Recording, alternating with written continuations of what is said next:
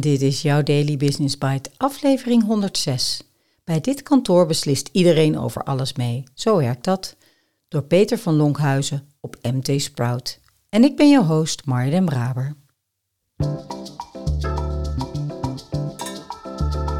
Je luistert naar Daily Business Bites met Marja den Braber waarin ze voor jou de beste artikelen over persoonlijke ontwikkeling en ondernemen selecteert en voorleest.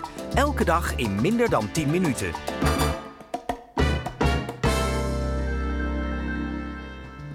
Dit is de podcast waar je kunt luisteren naar artikelen van experts op het gebied van ondernemen en persoonlijke ontwikkeling. Elke dag van het jaar in 10 minuten of minder. Uit de bijna oneindige stroom blogs en artikelen die geschreven worden, pik ik de meest interessante er voor jou uit. Let's start. Iedereen beslist over alles mee. Advocatenkantoor B van de V is een van de eerste bedrijven die met de SEMCO-methode van start ging. Welke lessen heeft het kantoor opgedaan? Je moet oppassen dat besluiten niet blijven hangen. Ongetwijfeld is het de mooiste vergadertafel van Utrecht. Het ontwerp van de 30-persoonstafel, gemaakt door Urbaniseer, sluit aan bij de ronding in de buitenmuur van het door Berlage en van Gent ontworpen gebouw. Ooit was de zaal waar de tafel staat de conversatiezaal van de deftige sociëteit Tivoli. Nu wordt het gebouw gebruikt door Brugging en van der Velde advocaten en belastingadviseurs. Niemand die aan de tafel zit heeft een mindere positie dan een ander. Iedereen vergadert volwaardig mee. De filosofie van BVD uitgedrukt in blank gelakt hout. Bij de oprichting van het kantoor in 2006 besloten de oprichters Harm Brugging en Sjoerd van der Velde het anders dan andere advocatenkantoren aan te pakken. Elke medewerker heeft evenveel zeggenschap en alles is transparant. Vijftien jaar later wordt nog steeds gewerkt in Semco-stijl, geïnspireerd op het werk van de Braziliaanse ondernemer Ricardo Semler. Wat heeft deze benadering B van de V opgeleverd?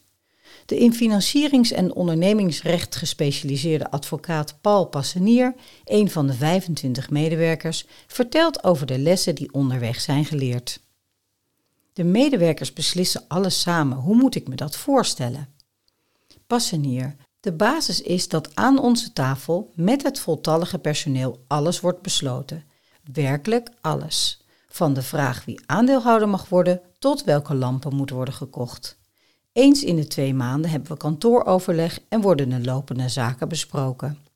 Tweemaal per jaar houden we bovendien een filosofieoverleg waarin strategische vragen aan bod komen.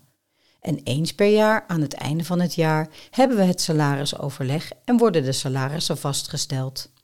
Om iedereen de gelegenheid te geven mee te besluiten, zijn we volledig transparant Iedereen heeft inzage in alle cijfers.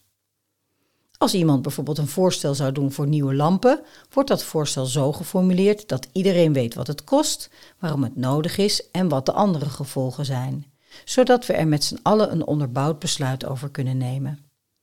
Iedereen weet verder wat ik verdien en ik weet wat de anderen verdienen. Ik weet welke omzet wordt gedraaid en wat het winstaandeel van de aandeelhouders was. Er zijn dus wel aandeelhouders en niet-aandeelhouders. We hebben een traditionele structuur met aandeelhouders, medewerkers en advocaatstagiairs. Dat laatste wordt vanuit de orde van advocaten voorgeschreven. Ook het financiële model is tot op zekere hoogte traditioneel. Als aandeelhouder krijg je een wat groter deel van de taart. Wat het model bijzonder maakt, is dat we sterk op de kosten in plaats van de omzet sturen en dat iedereen in de winst meedeelt. Daarbij stellen we de hoogte van ons eigen salaris vast. Hoe werkt dat in de praktijk? Uitgaande van de totale kosten berekenen we het gemiddeld uurtarief. Tijdens het salarisoverleg doe je een voorstel voor het tarief dat je vindt dat je waard bent, dus of je boven of onder het gemiddelde gaat zitten. In die vergadering moet je je collega's ervan overtuigen dat je dat salaris verdient. Doordat we de kosten met z'n allen laag houden, maken we doorgaans een mooie winst. De helft van de overwinst die je maakt houd je zelf, de andere helft wordt onder de aandeelhouders verdeeld. Dat is de incentive om aandeelhouder te worden. Is het zaak om zoveel mogelijk te werken, zodat je veel winst krijgt?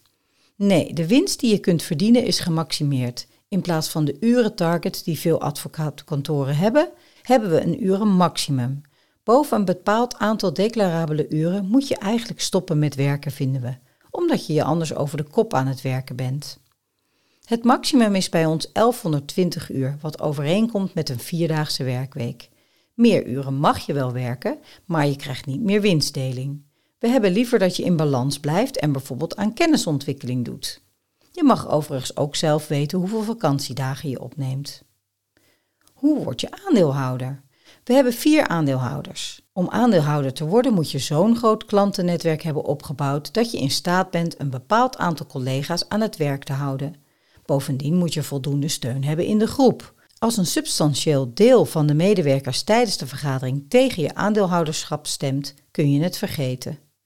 Wat heeft het systeem het bedrijf opgeleverd? Er wordt wel eens gedacht dat het alleen uit idealisme voorkomt, maar het is oorspronkelijk vooral bedacht vanwege zijn voordelen. Door de participatieve bedrijfsvoering is iedereen actief met kostenbeheersing bezig. De kosten zijn laag en de tarieven voor de klanten zijn daardoor zeer concurrerend. Daarnaast is de betrokkenheid hoog. Een voordeel voor de oprichters Harm en Sjoerd was dat het bedrijf gezamenlijk wordt bestuurd. Er zijn geen managementlagen nodig en de oprichters hadden weinig managementtaken, zodat ze gewoon voor klanten konden blijven werken. Het bedrijf samen besturen is erg prettig. We merken dat we aantrekkelijk zijn voor jong talent, dat vaak weinig zin heeft in hiërarchische structuren.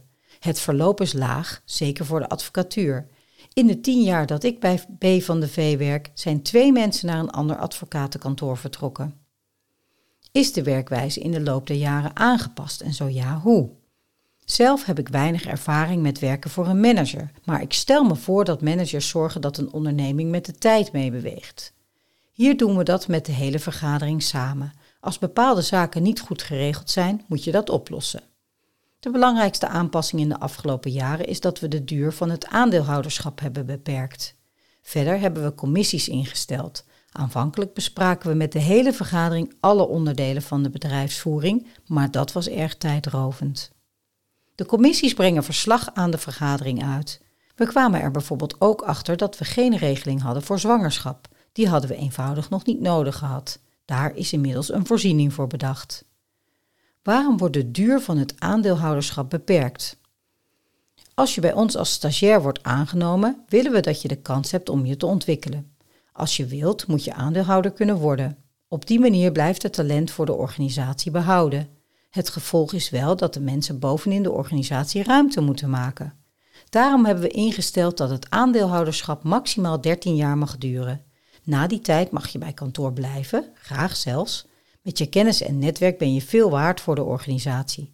Maar je levert wel je aandeel in en dus een deel van je inkomsten.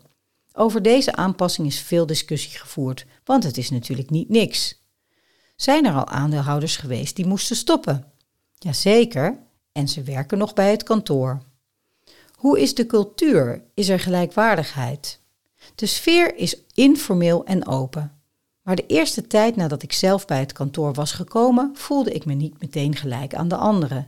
Niet vanwege hun positie, maar omdat ze langer bij het kantoor werkten en meer ervaring hadden. Dat is een normale en zelfs gewenste gang van zaken. In een platte organisatie heb je mensen nodig met meer autoriteit, die soms bepaalde knopen doorhakken met informeel leiderschap tonen. Anders kunnen besluiten wel eens blijven hangen. Vaak is die informele leider iemand met wat meer senioriteit of die een stellige mening over een bepaald onderwerp heeft. Als iemand een stellige mening heeft, is dat voor ons een signaal om er extra goed over na te denken. Daily Business Bites met Marja Den Braber. Je luisterde naar Bij dit kantoor beslist iedereen over alles mee. Zo werkt dat door Peter van Lonkhuizen. Bij dit kantoor had ik graag gewerkt. Dat dacht ik meerdere keren tijdens het lezen van dit artikel. Nou, nee, eigenlijk, zo'n bedrijf of kantoor had ik zelf graag opgezet. En Stefan, dat had prima bij ons gepast. Wel heb ik in het kader van het klinkt te mooi om waar te zijn nog even goed gekeken naar wanneer dit advocatenkantoor is opgericht. In 2006, dat wordt ook genoemd in het artikel nadat Harm en Sjoerd tien jaar ervaring binnen de traditionele advocatuur hadden opgedaan en het echt anders wilden doen.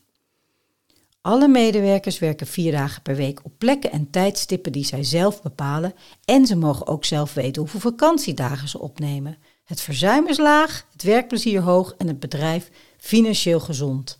En dan ook nog een B Corp, een Benefit Corporation. Zij dragen dus bij aan een duurzame samenleving en zijn het eerste advocatenkantoor in Nederland met deze certificering. Nou, dat zijn best een paar fijne zaken op een rijtje. Ik vond het systemisch ook heel mooi hoe Paul sprak over gelijkwaardigheid. Dat als je begint bij dit kantoor, dat je echt nog wel eventjes kijkt hoe loopt het hier en uh, wie is hier al langer en kan ik mij dan rustig gewoon inwerken. Hij zegt ook zelf dat het heel normaal is eigenlijk, een normale gang van zaken. En ik ben het met hem eens, maar ook systemisch klopt het helemaal. Dus klinkt echt allemaal hartstikke goed. Die vergadertafels is opeens wel een dingetje. Ik vroeg me vorige week maandag al af of de donutvergadertafel al was ontworpen. En in dit artikel wordt gesproken over de mooiste vergadertafel van Utrecht voor 30 personen. Natuurlijk heb ik die even opgezocht en gevonden op een site over de historie van het gebouw aan de Witte Vrouwensingel in Utrecht. De tafel loopt inderdaad prachtig met de ronding van de oude conversatiezaal mee. Ik spreek je graag morgen weer.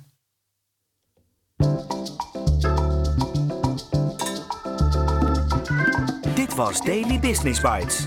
Wil je vaker voorgelezen worden? Abonneer je dan op de podcast in je favoriete podcast-app. Meer weten? Klik op de links in de show notes.